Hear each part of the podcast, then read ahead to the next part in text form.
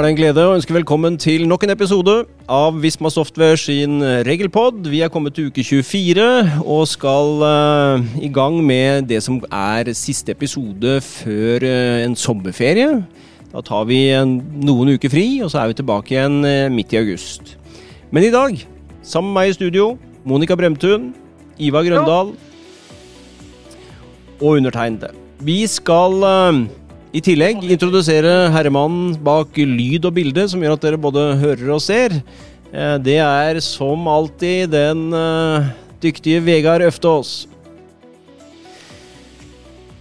Temaet i dag vi skal, Der kommer det nye regler eh, på sykepenger, pleiepenger og foreldrepenger i og for seg. 1.6 er eh, datoen. Vi må innom og kommentere litt på det. Hva er det som skjer eller har skjedd der?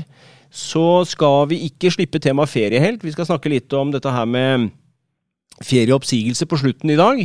Og så skal du få lov til å kommentere litt, Ivar, knyttet til dette her med skatt eller ikke når det gjelder eh, ansatte og at ansatte slutter, og, og, utbetalinger i den forbindelsen.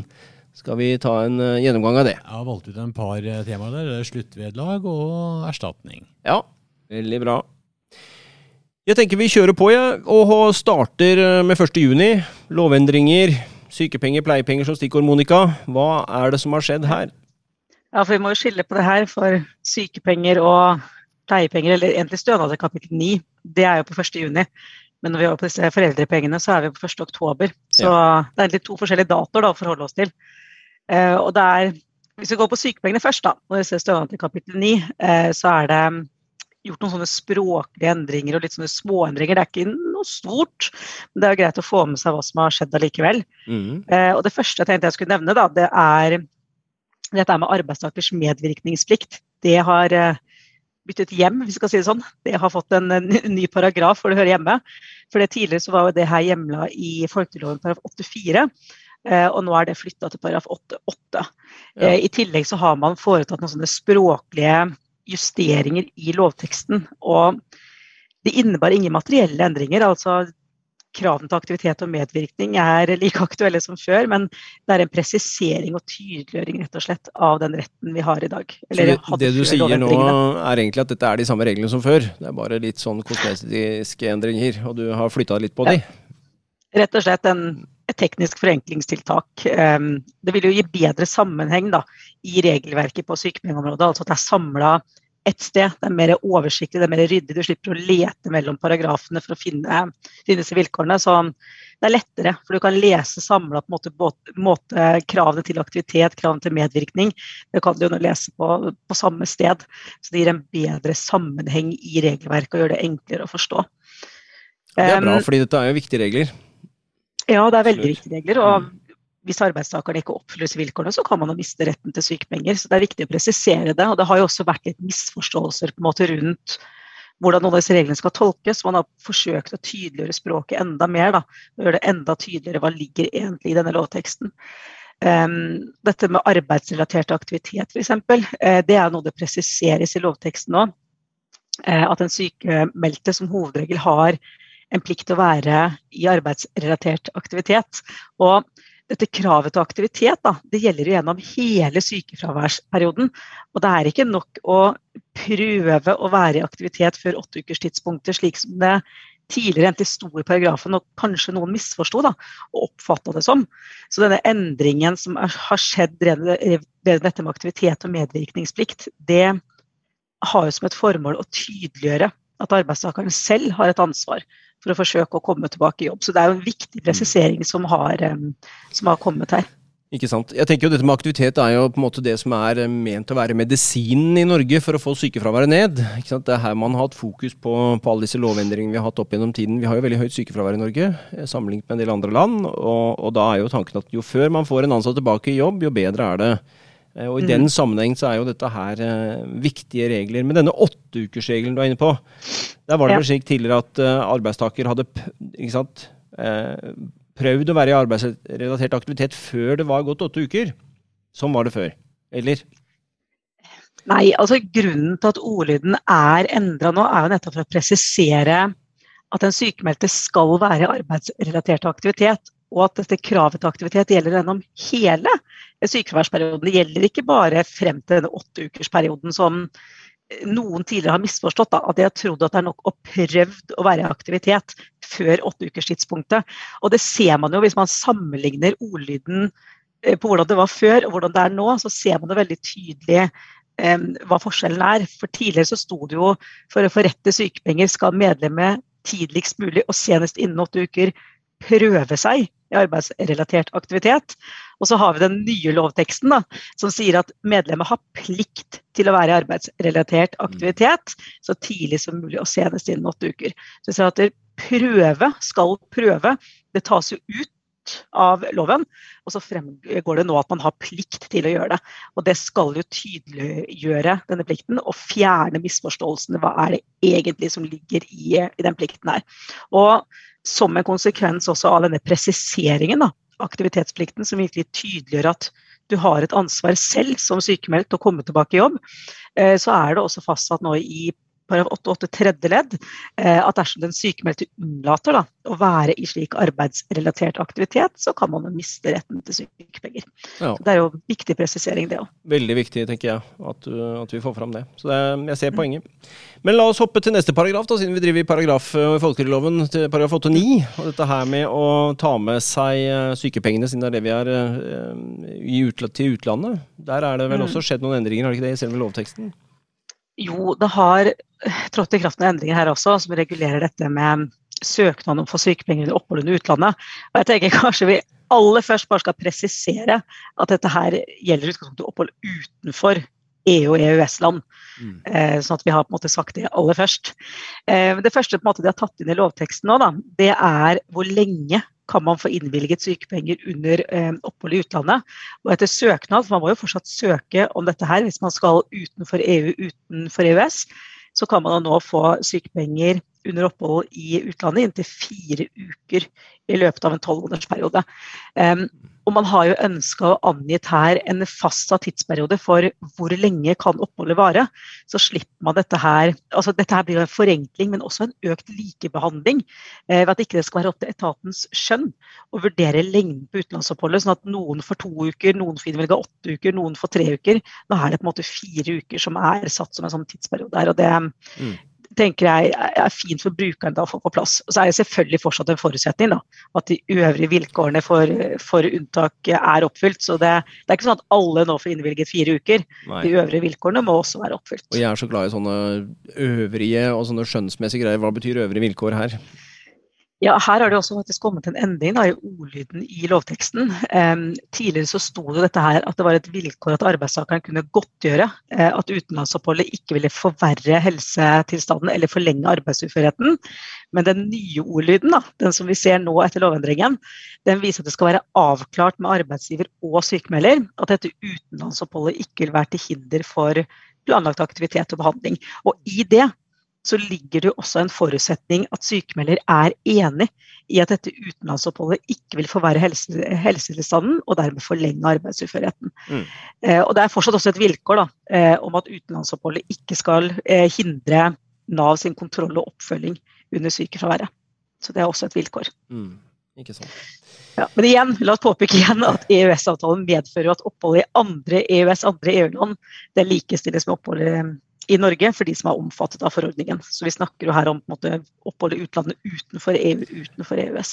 Men Hvordan er dette i forhold til andre ytelser, da? Sånn som heter kapittel 9 med pleiepenger, omsorgspenger, barns sykdom eh, osv.? Ja, fordi de gjorde denne endringen i 84 med presiseringen om at man kan få innvilget sykepengene opphold inntil fire uker, så var det også nødvendig å gjøre noen språklige justeringer i um, paragraf 9-4, som omhandler på en måte rett og slett uh, Ja, det er jo omsorgspenger, som du sa, da. Pleiepenger og opplæringspenger. Mm. Og det her er for å videreføre en bestemmelse man hadde her tidligere, eh, om at det kan gis rett til f.eks. pleiepenger av disse andre ytelsene etter kapittel 9 i utlandet inntil åtte uker i løpet av en tolvmånedersperiode. Så vi ser at det er en lengre periode for, for stønader etter kapittel 9 enn det det er for stønader etter kapittel 8, som er sykepengekapitlet. Og så er det også presisert da, i um, paragraf 9-4, som omhandler disse omsorgspenger, pleiepenger og opplæringspenger, eh, at denne stønadsmottakeren da, den må informere Nav om utenlandsoppholdet. Så her ser vi at det er ikke noe plikt til å søke på samme måte som det er for sykepenger, men det er en informasjonsplikt om at man eh, reiser til utlandet. Mm. Så det er jo en forskjell på de to. Uh, kan du også nevne det da, at det har kommet noen endringer på pleiepenger også, men uh, mm. da kan man gå på Visma Community og lese på den artikkelen som ligger der. så frigjør vi heller tid til å snakke om noen endringer som har kommet på, på andre områder. Bra. Men Det hørte i, i gangene her, eh, det vil Si, nå er jeg på kontor, ikke sant? og det er litt andre her, sier ikke bare på hjemmekontor. Foreldrepengeregelverket, var det ikke noen endringer der òg, Monica? Jo, det stemmer. Eh, det er kommet noen endringer i reglene om foreldrepenger når det gjelder utsettelse av foreldrepengeperioden, og når det gjelder dette skjæringstidspunktet for om man har opptjent seg rett til foreldrepenger, og for beregningen av foreldrepenger for, for fedre. Eh, det, endringene innebærer rett og slett at nå åpnes det for fri utsettelse av foreldrepengeuttaket. Og som sagt at skjæringstidspunktet for rett til og beregning av foreldrepenger eh, vil også bli flytta. Men det her er først fra 1.10 i, i år som det her gjelder. Men det er vel mulig å utsette uttaket av foreldrepenger? Ja, det er det nå også. Eh, etter, dag, altså etter dagens regel, Hovedregelen er at mm. foreldrepengene skal tas ut som et sammenhengende uttak. Eh, men det er også nå mulighet til å utsette uttaket, men der er det ganske begrenset i hvilke situasjoner. Det er noen særskilte situasjoner hvor man har anledning til å utsette uttaket sitt av foreldrepenger. Eh, og det er enten hvis man jobber på heltid, hvis man avviker lovbestemt ferie, altså ikke avtalefestet ferie, kun den lovbestemte ferien. Eh, hvis stønadsmottakeren pga. sykdom eller skade er helt avhengig av hjelp til å ta seg av barnet eller er innlagt til helseinstitusjon, eller hvis barnet er innlagt til helseinstitusjon. Så vi ser det er ganske begrensede tilfeller hvor man i dag har muligheten eh, til å utsette dette uttaket da, av foreldrepenger. Så hva er det egentlig endringen om utsettelse nå? Ja, den endringen nå den innebærer rett og slett at alle foreldrene får fritt muligheten til å utsette foreldrepengene sine uten at det kreves noe, noe særskilt begrunnelse da, for utsettelsen de har. Så nå bestemmer man selv når foreldrepengene skal eh, tas ut. Det er jo noen begrensninger, da, fordi foreldrepengene må jo, altså uttaket må avsluttes innen barnet er fylt tre år. Og permisjon eh, må jo gis etter arbeidsmiljøloven. Så det er, det er, jo noen begrensninger enda, men det her vil jo gi foreldrene en mye større fleksibilitet enn de reglene vi har på nåværende tidspunkt. Og ordningen er også mye enklere å administrere for Nav enn de reglene vi har i dag. Det er jo greit å merke seg at det er et unntak si, i forhold til denne perioden som kan utsettes, og det er mors obligatoriske periode ved fødsel. Altså perioden før fødsel og de første seks ukene etter fødsel det er jo uker som er forbeholdt mor, som, mor, som er obligatorisk for mor. Da. Eh, og de ukene man, kan man fortsatt ikke utsette fritt her. Det de er unntatt fra disse reglene. Ellers så betyr det at foreldre kan ta ut foreldrepermisjonen akkurat når de vil? da? Nei, egentlig ikke. Eh, og grunnen til det er at altså, Vi må jo påpeke at disse endringene som skjer nå, de skjer jo i folketrygdloven. Og folketrygdloven regulerer jo foreldrepenger, altså uttak av foreldrepenger, retten til foreldrepenger. Mens når vi ser på retten til permisjon, da er vi jo ikke i folketrygdloven, da er vi jo i arbeidsmiljøloven. Så i hvilke tilfeller arbeidstakeren har rett til fri fra arbeidet, det reguleres jo i kapittel 12 i arbeidsmiljøloven. Og de reglene, de er ikke endret. Så det er folketrygdlovens regler om selve foreldrepengeuttaket som er endret. Når det er reglene om permisjon, så så er jo de som før. Det betyr bl.a. at um, fristene for varsling da, til arbeidsgiver i forkant av permisjonen og eventuelle begrensninger i retten til å ta ut foreldrepermisjon etter arbeidsmiljøloven, de gjelder som før. Og vi ser jo at av og til det er ganske sjelden at det kommer saker på det her med konflikter, men det kan oppstå konflikt mellom arbeidstaker og arbeidsgiver på hvordan denne permisjonen skal avvikles. Og ved den type uenighet så har man jo muligheten til å bringe denne saken inn for tvisteløsningsnemnda etter arbeidsmiljølovens regler. Så det, man har den muligheten. Det, da har jeg sånn litt eh, praktisk spørsmål her, fordi eh, arbeidsgiver skal jo sende inntektsmelding. Jeg tenker på mm. Skjæringspunktet her for beregning, har det noen påvirkning i forhold til innsending av inntektsmeldinga? Ja, det vil jo være ganske viktig for arbeidsgiver å merke seg det. For når skjæringstidspunktet for far, da, så vil jo det være nå ved første uttak av hans permisjon. Eh, så vil jo beregningene av foreldrepengene de vil jo knytte seg til hans første uttak. Altså i dag så er det slik at når far starter sitt uttak, så skal foreldrepengene beregnes, og far må starte sitt uttak når mor er ferdig, da, senest når mor er ferdig med sin eh, permisjon. Eh, så hvis mor f.eks. er ferdig med sin permisjon 14.6, da, da jo, da er det slik at da skal jo far starte sin permisjon og uttak av foreldrepenger 15.6. Men så kan det han utsette med la oss si heltidsarbeid. Da. Så sier han at jeg har ikke lyst til å ta permisjonen min nå, jeg vil jobbe i et par måneder til. Og så skal jeg starte uttaket mitt av, um, av foreldrepenger. Da vil jo hans foreldrepengegrunnlag bli beregnet 15. i 6., og det er da man sender inntektsmeldingen. Men etter disse nye reglene, hvor skjæringstidspunktet er hans første uttak, så vil man jo plutselig hoppe fremover i tid og se ok, når starter du faktisk å ta ut foreldrepengene dine. Og det er først når man faktisk starter det første uttaket, på det tidspunktet, så skal man jo beregne hva foreldrepengene utgjør. Så har det vært en varig lønnsendring eller endringer i inntekt i den perioden, så vil man jo få med seg det. Så det gir jo et bedre bilde av hva fars inntektsbortfall faktisk er. Og Det vil jo da bety at arbeidsgiver må kanskje sende inn inntektsmeldingen på et senere tidspunkt. For om man nå forholder seg til når er mors uttak ferdig, og når skulle far ha startet, hvis han ikke hadde utsatt. Det er jo der man sender inntektsmelding i dag hvor man etter de nye reglene må forholde seg til når starter faktisk far sitt første uttak av foreldrepenger. Og det er det tidspunktet man da skal sende inntektsmelding på. Så det er jo en ganske stor endring. Mm. Eh, vi lever i en ganske moderne verden. Du sier eh, far og far. Mye om mm. far her. Eh, hva da med medmor? Ja, altså De reglene i foreldrepengeordningen som gjelder for fedre, gjelder tilsvarende for medmødre. Mm. Det vil si at det vi har sagt her om fedre, det vil jo også gjelde for en medmor. Så det er akkurat de samme reglene her.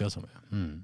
Mm. Mye, mye, ny info her igjen, altså. Jeg tenker Det er jammen skal litt til å holde orden på alt dette her når du jobber med, med lønn og personal. altså. Så. Helt klart, og Vi legger som sagt ut informasjon her på kommunen. og Disse reglene ja. er jo så nye nå. Eh, så mm. Nav har jo egentlig ikke fått praksis med dette med foreldrepenger. da. Ehm, så her kommer det til å komme flere ting hvor vi har behov for å informere dere om. Så tenk, følg litt med på Community fremover. Eh, så vil dere før 1.10 ganske sikkert høre mer om det her. Det her ja. ja. Vi tar det vel opp igjen i en ny regel på når det nærmer seg ikrafttreden på disse reglene her òg, tenker jeg. Ja, siden vi snakker det vil vi nok gjøre. utpå høsten. Mm. Skal vi trekke pusten, da, så vidt det er, og legge disse nye reglene bak oss og bevege oss over på skatt eller ikke skatt ved utbetalinger når en ansatt slutter. Og da, Ivar Grøndal, hvordan er dette her? Det som virkelig er interessant. For, for, for noen, i hvert fall. Ja, ja, ja. alle er jo opptatt av skatt. Liksom hva skatten min er. Uh, det kan du lure på. uh, jeg plukket ut et par, par tema som vi får litt spørsmål om. Og det er erstatning og sluttvederlag. Uh, jeg tenker litt sånn uh, på det med erstatning. Altså, altså en, en, konflikt mellom arbeidsgiver og arbeidstaker. Uh, så er det jo sånn at arbeidsgiver kan dekke si kostnader til juridisk bistand. Mm. og det er nesten hva slags type konflikt det er mellom arbeidsgiver og arbeidstaker. så kan det dekkes av arbeidsgiver. det er liksom én ting å ha med seg. Og så har vi de tilfellene hvor Eh, vi snakker om si erstatningsbeløp. da. Eh, så juridisk bistand det er greit, og der er det bilag. Så mm. får en faktura, da, så det er ikke noe opplysningsplikt på den heller. Men når vi kommer til eh, det med erstatning, da, så sier man at uh, inntil 1,5 ganger grunnbeløpet uh, kan være en skattefri erstatning uh, ved usaklig oppsigelse.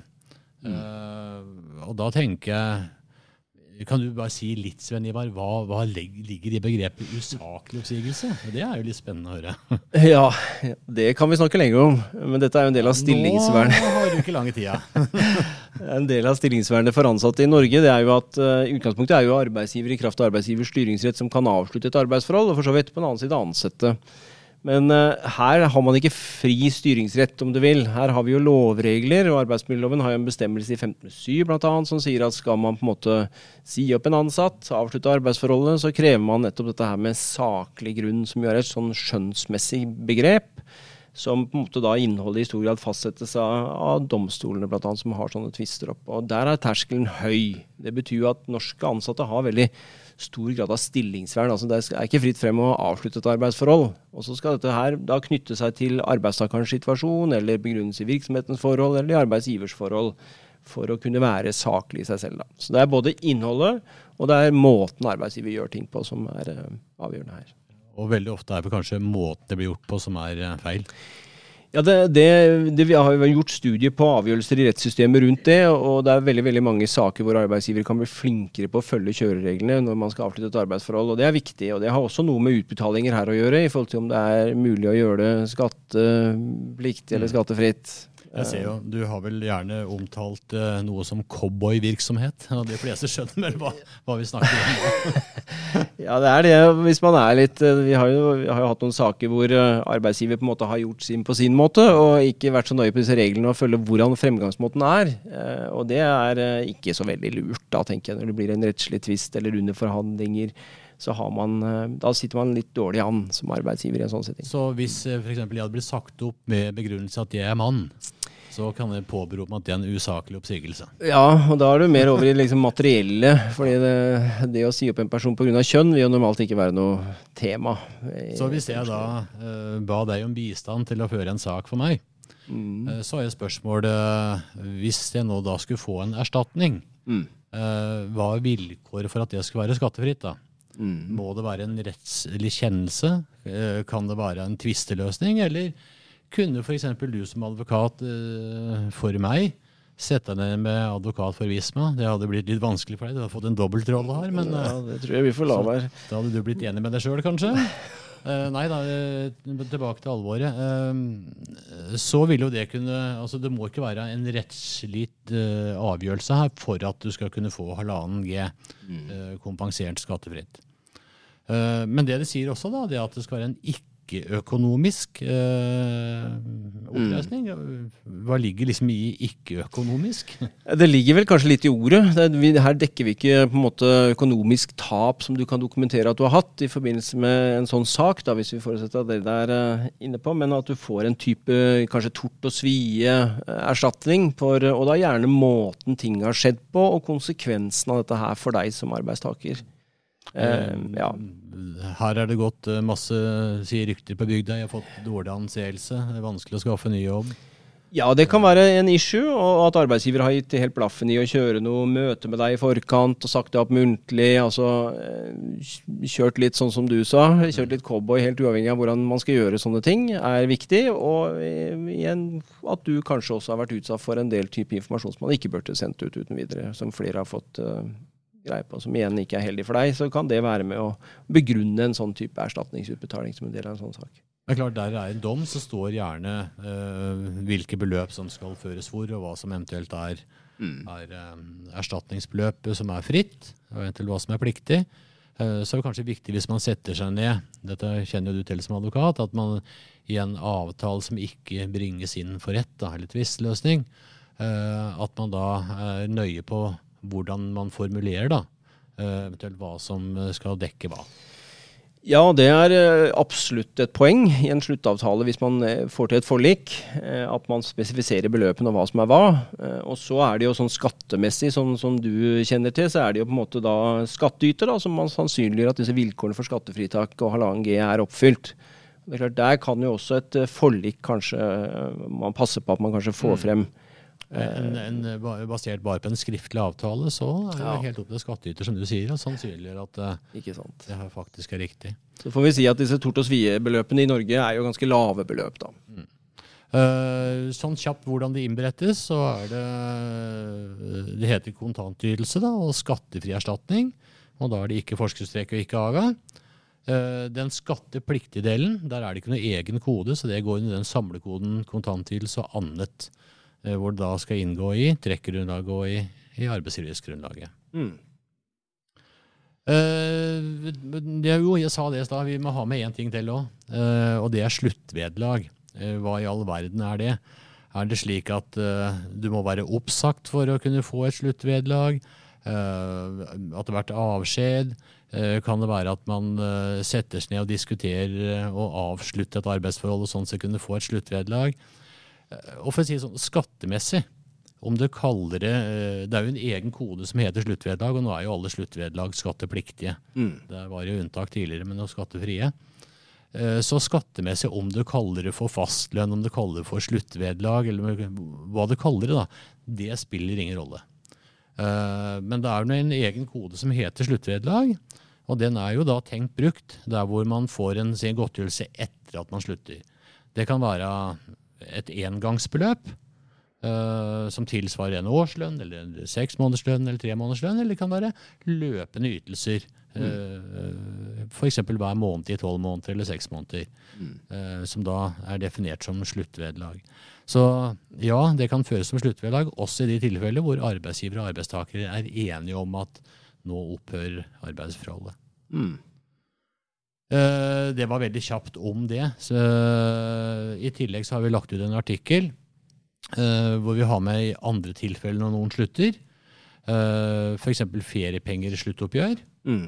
Eh, vi har også i den samme artikkelen som ligger på Community, eh, tatt opp det når noen dør. Eh, hva da? Mm. Det, man kaller for lønn etter dødsfall. Det er altså lønn som er opptjent før dødsfallet, men uttales etter. Mm. Det skal ikke inngå i trekkgrunnlaget, og det er ikke arbeidsgiveravgift. Men det er skattepliktig som kapitalinntekt for boet. Og så er det mm. etterlønn. Det er lønn som gjelder etter dødsdag. Typisk hvis du har eh, la oss si en, en ansatt som dør den 20. en måned, da. Ja, da er det lønn for det fra og med 21. og ut måneden, eventuelt måneden etter. Det er definert som etterlønn. Mm. Og Der er det halvannen G som er skattefri. Men der eh, ligger det mer i artikkelen som ligger på Community. Mm. Som du kan lese der. Godt tips. Vel, jeg tenkte det var uh, kjapt uh, om uh, litt skatt, skatt, i dag. men det som nå er virkelig inn for tida, er jo ferie. Mm. og vi ser jo det at vi har fått en del spørsmål også, litt i forhold til det vi har snakka om nå, da, men oppsigelser. Altså mm. hva med ferieoppsigelser? hvilke regler gjelder? Er det forskjell på hvis en ansatt sier opp sjøl, eller hvis arbeidsgiver sier opp?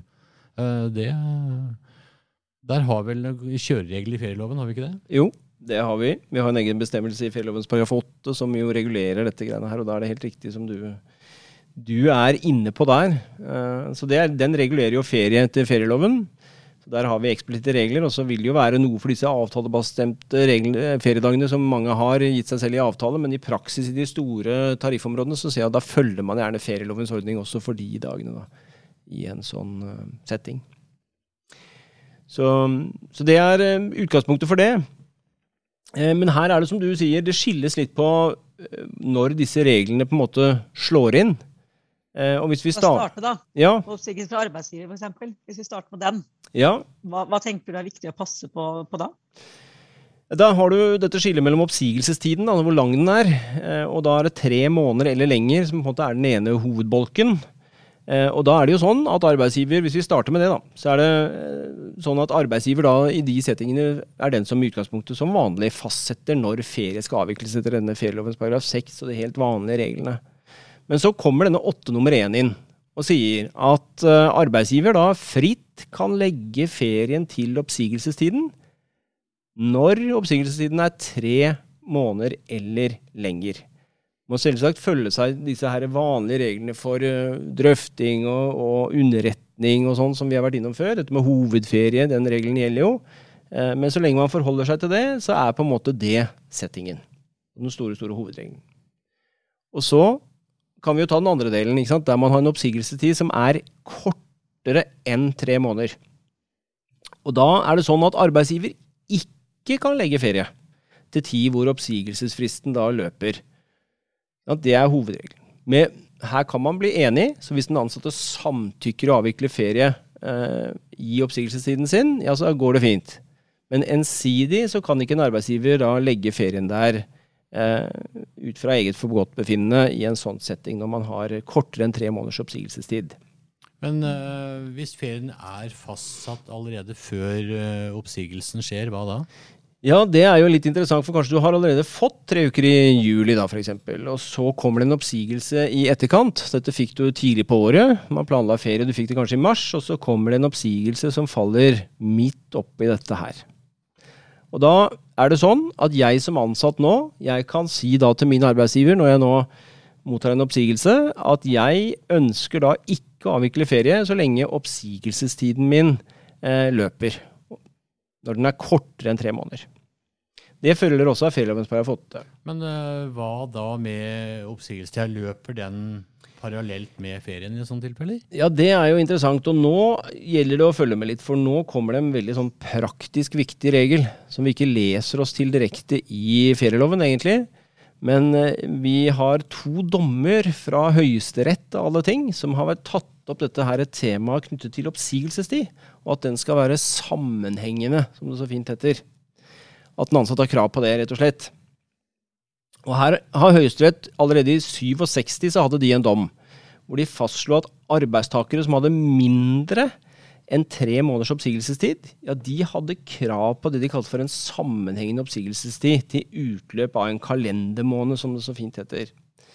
Og konsekvensen av det, det var da at ferieavvikling i tiden etter arbeidsgivers oppsigelse er at fristen først begynte å løpe etter at ferien var avviklet. Så du kan ikke ha noe av oppsigelsestiden før ferien, avvikle ferie, og så kommer resten i etterkant. Så i det tilfellet så var det full ny oppsigelsestid etter at ferien var fastsatt. Så det var den, den, det var den dommen fra, fra 1967. Og så hadde vi en samme sak oppe, samme faktum egentlig, i en dom for Høyesterett det òg, i 1997 hvor de fulgte opp denne praksisen her. Gjorde ingen endringer. Så her må arbeidsgiver passe litt på. Eh, sånn at vi ikke ender opp i en situasjon hvor man kanskje plutselig får den ansatte å, som da blir i virksomheten mye lenger enn det vi hadde tenkt. i en sånn setting som dette her. Kan jeg da ta et litt sånn praktisk eksempel?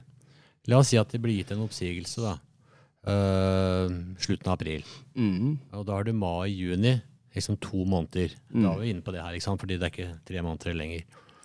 Og så er det avtalt ferie to siste ukene i juni. Mm. Betyr det at liksom oppsigelsestida starter, og så kommer ferien, og så må du gi en ny oppsigelse? Jeg må ikke gi noen ny oppsigelse, men du får ny feriefritid i etterkant. Ah, okay. Alternativt går ferien, nei, unnskyld, ferien går som planlagt, mm. og så starter oppsigelsestiden da i etterkant. Ja, det er riktig. Ja. Så da blir det liksom to måneder lengre egentlig enn det yep. man hadde tenkt. For den skal løpe i sammenheng og kan ikke avbrytes av en ferie i en sånn sitting. Da er jeg veldig enig med deg at her må det være obs som arbeidsgiver. her må vi følge med. Ja. Så Det er viktig. Dette er jo eh, i settingen eh, eh hvor eh, man blir sagt opp, arbeidstaker. Når du sier opp selv, eller samtykker, da, da gjelder jo ikke mm. dette her. Så dette er kun der arbeidsgiver fastsetter ferien og, og sier deg opp, at dette blir en issue.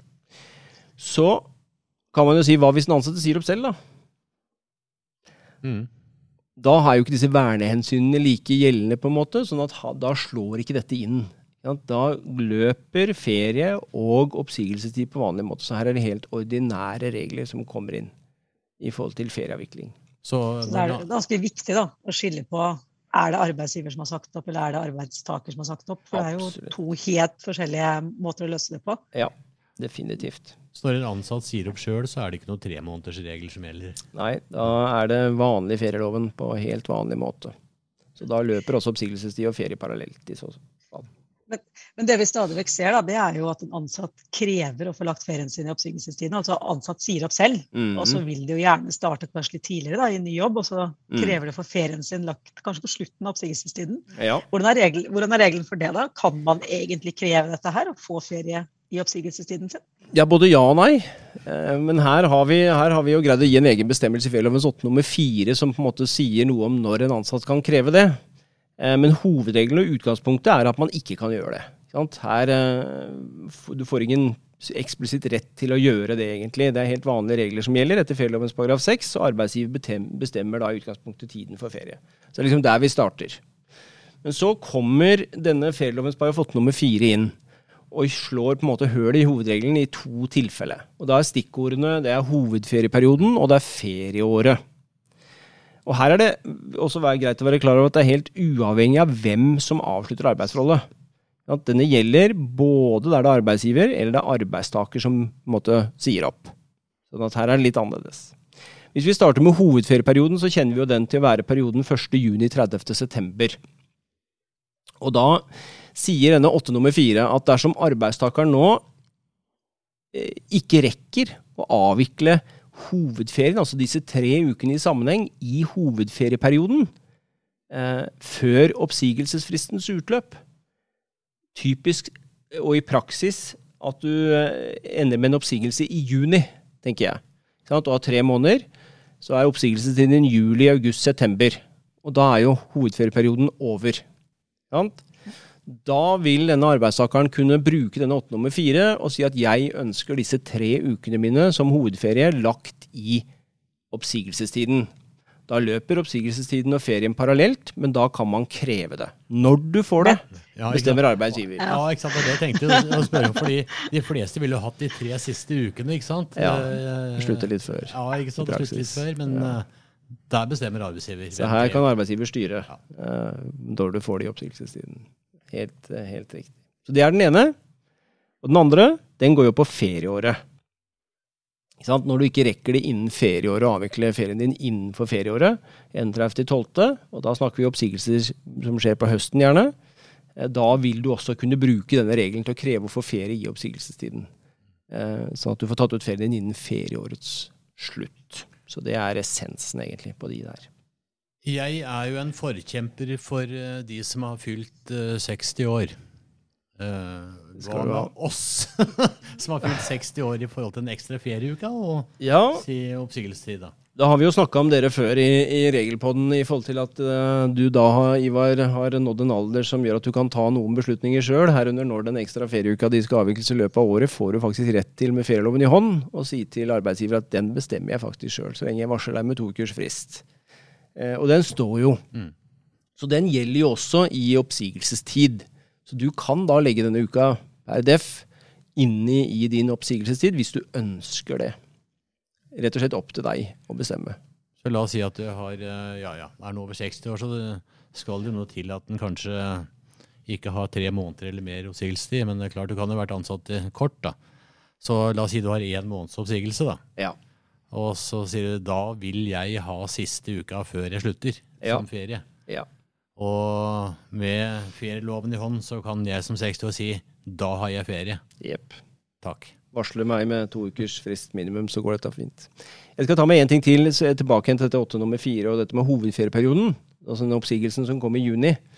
Eh, det er et unntak her, fordi hvis du sier opp selv, og det er en dato å passe på, da Sånn at hvis du sier opp selv etter den 15. august, så får du ikke denne rettigheten eh, til å legge ferien din eh, disse tre ukene før 30. september.